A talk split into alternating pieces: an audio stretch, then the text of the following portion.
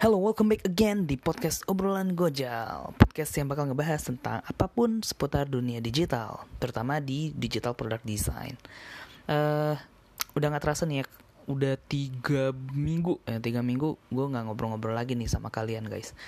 Jadi di kesempatan kali ini Gue mau ceritain ke kalian Gue mau sharing ke kalian Tentang tools-tools apa aja yang uh, kalian harus uh, ketahui atau kalian harus pelajari uh, ketika kalian ingin menjadi seorang UI UX designer atau digital product designer. Sebelumnya kita pernah uh, sharing juga pentingnya mendesain ya pentingnya product design dari suatu website, dari suatu aplikasi. Lalu kita pernah ngobrol-ngobrol juga tentang bagaimana prosesnya sih proses mendesain sesuatu itu bagaimana gitu kan nah di episode kali ini kita bakal uh, lebih sharing lagi lebih dalam lagi sebenarnya apa-apa aja sih tools yang dipakai untuk uh, proses UI UX design. Nah sebelumnya gue menceritain jadi uh, gue di bidang ini udah ngerasain dari uh, hanya freelance gitu ya dari otodidak ya kan belajar belajar otodidak di tutorial di internet uh, atau course kayak gitu. Terus gue juga pernah masuk ke studio atau agency gitu ya studio design yang khusus di UI UX jadi uh, gue mempelajari juga bagaimana tools tools yang uh, mereka pakai di situ bagaimana workflow yang mereka pakai. Sampai sekarang gue juga uh, berada di uh, startup company yang juga memiliki tools-tools yang beda juga gitu kan. Ada yang beda ada yang sama juga. Nah jadi sebenarnya tools-tools apa aja sih yang dipakai oleh UI UX designer gitu ya khususnya? Jadi uh, kalau gue sendiri uh, pertama mungkin yang harus kalian pelajarin adalah design toolsnya dulu sih mungkin ya.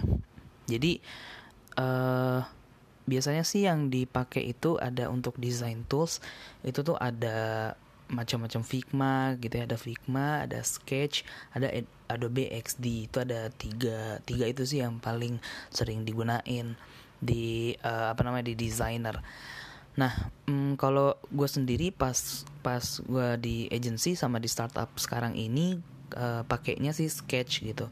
Kita pakai sketch tapi kelemahan dari sketch ini adalah sketch itu khusus untuk MacBook gitu. Khusus untuk pengguna Mac atau iOS gitu ya uh, untuk pengguna Apple. Tapi emang biasanya yang digunain di profesional biasanya adalah MacBook ini gitu kan.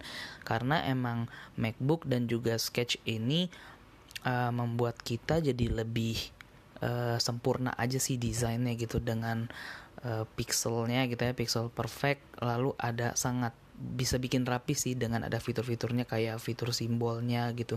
Fitur simbol di sketch itu bisa buat rapi jadi uh, yang gue pakai kalau misalkan kalian eh kalau misalkan di profesional itu pakainya sketch. Tapi tips buat kalian yang baru uh, join gitu ya baru belajar UI UX design kalian bisa uh, pelajarin yang namanya Figma atau Ad Adobe XD sih. Itu uh, ada yang free-nya gitu ya yang gratis. Kalau sketch tadi itu berbayar. Kalian bisa gunain Figma uh, gue saraninnya sih Figma dibanding uh, Adobe XD di Figma itu ada tools di mana ada fitur di mana kalian bisa kolaborasi bareng sama temen. Jadi itu seru banget tuh. Kalian bisa desain hmm, tampilan website atau mobile app itu bareng teman kalian gitu. Mungkin ada teman kalian yang juga baru belajar. Jadi kalian bisa bareng belajar bareng gitu. Kalian bikin screen screennya besok kalian bisa uh, apa ya kalau kolaborasi lah bersama di situ gitu dan itu bersifatnya online di websitenya gitu. Jadi uh, web based jadi nggak perlu pakai uh, install software dulu atau gimana. Kalian cukup buka figma.com aja kalian bisa langsung ngedesain di situ. Jadi untuk design tools uh, tips buat kalian untuk pemula mungkin gunain Figma. Tapi kalau misalnya kalian udah setelah itu kalian bolehlah belajar uh, sketch bagaimana gitu. Lagi plus sketch juga ada yang uh, free-nya dulu sih di awal gitu kan. Bisa um, free version kalian bisa tuh pelajarin uh, sketch bagaimana dan apa bedanya dari Figma gitu. Tapi kalau misalnya kalian udah pelajarin Figma, biasanya cepet sih untuk belajar sketch paling di plugin-plugin atau di fitur fitur-fitur uh, kayak tadi simbol itu sih yang rada berbeda gitu. Kalian bisa pelajarin. Uh, terus biasanya di work environment gitu ya di work workflow dari tim kita hmm, biasanya saat mendesain itu kita ada yang namanya bisa dibilang apa ya hmm, untuk manajemen kali ya. Manajemen dari uh, desain-desain apa nih yang harus dibuat atau target-target kita untuk produk uh, produk suatu suatu fitur gitu ya itu apa aja gitu kan. Jadi harus ngerjain apa lah ibaratnya gitu harus ngerjain apa sih bulan ini minggu ini hari ini gitu kan. Nah itu uh, biasanya di manage oleh fitur banyak sih macam-macam. Waktu itu pernah pakai Trello kalau kalian tahu uh, coba kalian bisa searching ada yang namanya Trello ada juga yang namanya Basecamp. Waktu pas di agency gue pakainya Basecamp. Terus pas di sini gue pakai yang namanya Jira. Jadi uh, ji, apa di Jira itu bisa tahu uh, ibaratnya apa ya? Kayak uh, tas-tasnya lah. Tas kita nih uh, harus ngedesain apa sih uh, hari ini atau minggu ini atau bulan ini atau quarter ini gitu. Jadi uh, semuanya ke track tuh ke record. Jadi kita ada prosesnya gitu. Dari awalnya sekarang lagi ada di proses mana nih? Di proses uh, belum dikerjain apa udah diproses habis atau di under review atau udah akhirnya udah selesai gitu. Itu uh, untuk tools management softwarenya itu pakainya yaitu tiga tadi itu. Kalau nggak Trello terus ada Jira atau ada Basecamp. Nah itu kalau mau yang uh, free itu Trello. Uh, kalau sekarang kayaknya masih free sih itu biasanya orang pakainya Trello. Kalian bisa gunain Trello untuk uh, manajemen seperti itu. Terus uh, apalagi ya tools yang biasa digunain uh, oh ya biasanya kalau misalkan habis ngedesain itu kan hanya ngedesain aja tuh. Nah biasanya kan kita untuk keperluan uh, user testing gitu ya untuk ngasih lihat uh, hasil desain kita yang untuk menyerupai uh, aslinya gitu ya atau bisa disebut dengan prototype itu kita ada lagi prototype toolsnya. Nah uh, sebenarnya banyak banget sih prototype tools. Biasanya tuh ada InVision app ada Marvel app ada juga Framer dan berbagai macam lainnya sih sebenarnya. Apa prototype IO kalau nggak salah. Ada ada banyak lah kalian bisa cari gitu. Ada just in mind kalau nggak salah. Nah tapi yang uh, selama ini gue pakai di agency baik di agency maupun di uh, startup itu kita pakainya uh, ada InVision. Jadi mungkin kalian bisa uh, harus tahu dulu lah tuh InVision bagaimana gitu. Coba kalian buka InVision app, setelah kalian sudah mendesain, kalian bisa ekspor ke InVision app itu, abis itu nanti kalian bisa melakukan prototype gitu. Tapi sekarang menurut gue sih kalau gue pribadi pas udah belajar belajar yang lain gue suka make framer. Coba kalian pelajarin juga tuh framer. Uh, banyak sih tutorialnya di framernya itu sendiri. Ada guidance guidance nya juga bagaimana cara menggunakannya nah itu seru banget. Jadi bisa lebih interaktif banget prototype yang bisa kalian uh, gunain untuk tes ke user kalian. Itu buat prototyping nah uh, setelah prototyping abis itu udah ke user pasti kan kita ada yang namanya hand off atau uh, ngedeliver ke developer gitu. Dari dari hasil desainnya kita kirim lah atau kita ibaratnya kita passing tuh ke si developer untuk dikerjain atau untuk di develop. Nah, apa ya toolsnya untuk uh, hal tersebut gitu ya? Pertama, toolsnya itu yang bisa kalian gunain tadi si InVision app itu juga sebenarnya ada sih untuk inspect mode gitu jadi bisa uh, developer bisa ngelihat jarak-jaraknya atau margin-margin atau padding-padding dan juga bisa uh, download aset-aset yang ada di desain tersebut. Itu di InVision app itu juga bisa sih. Tapi uh, yang kita pakai biasanya adalah Zeppelin. Namanya Zeppelin. Logonya kayak balon gitu. Coba kalian nanti searching deh. Zeppelin. Nah itu harus tahu tuh toolsnya.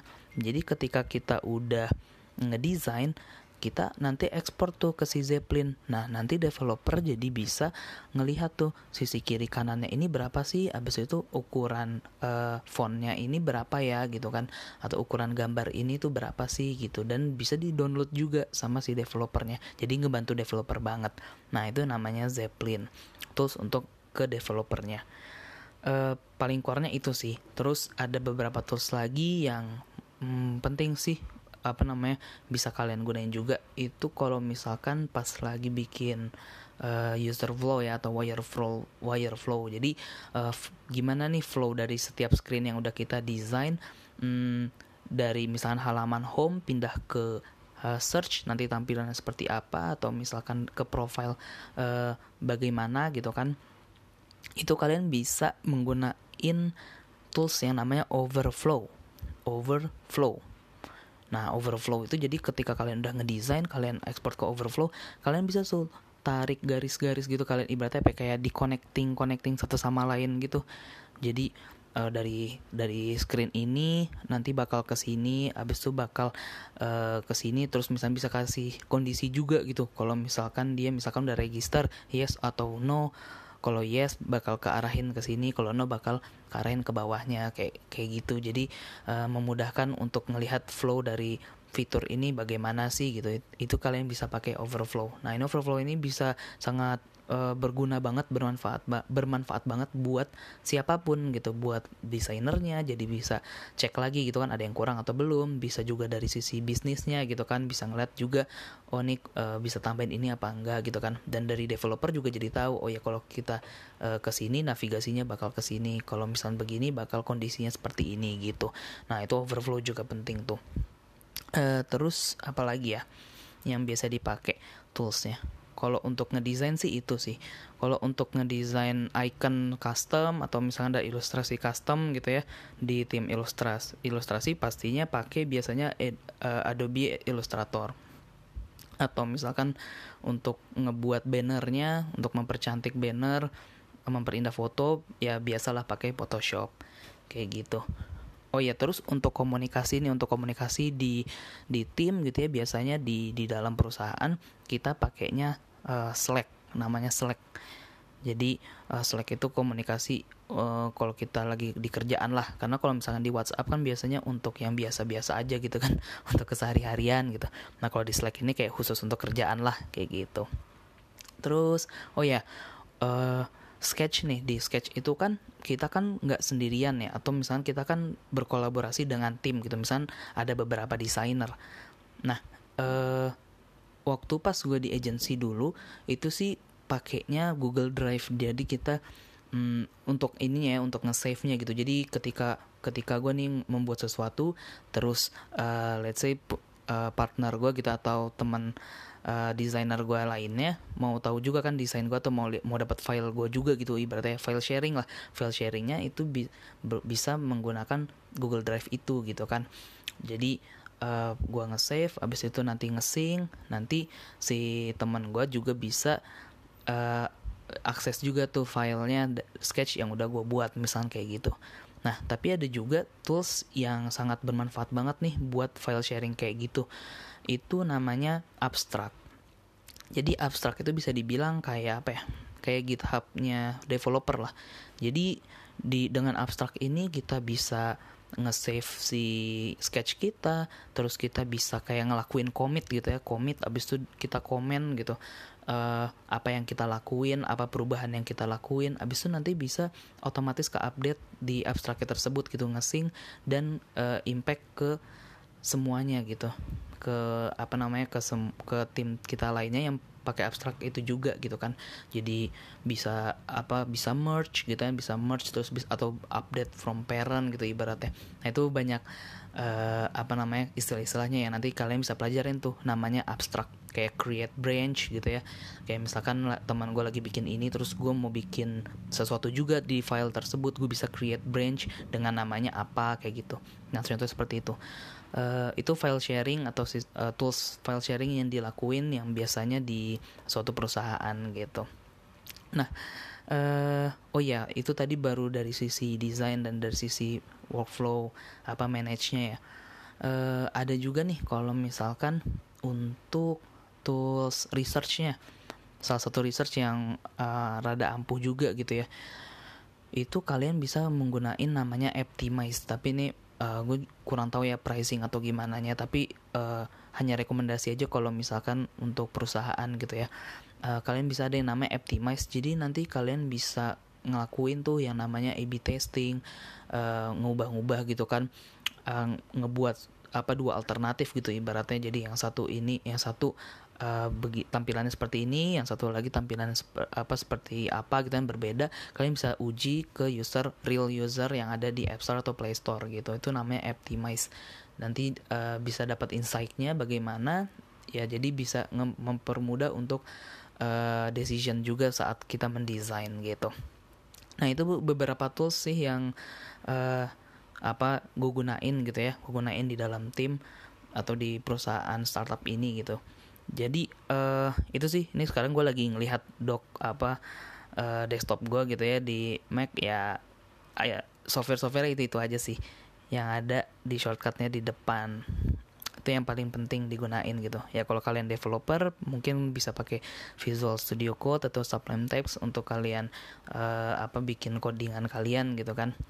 Nah ya sekiranya begitu sih tools yang dipakai nih untuk UI UX designer. Semoga bermanfaat. Kalau misalkan ada pertanyaan boleh kalian coba aja ya cari Google dulu gitu ya. Kalian ketik di Google dulu coba kalian cari.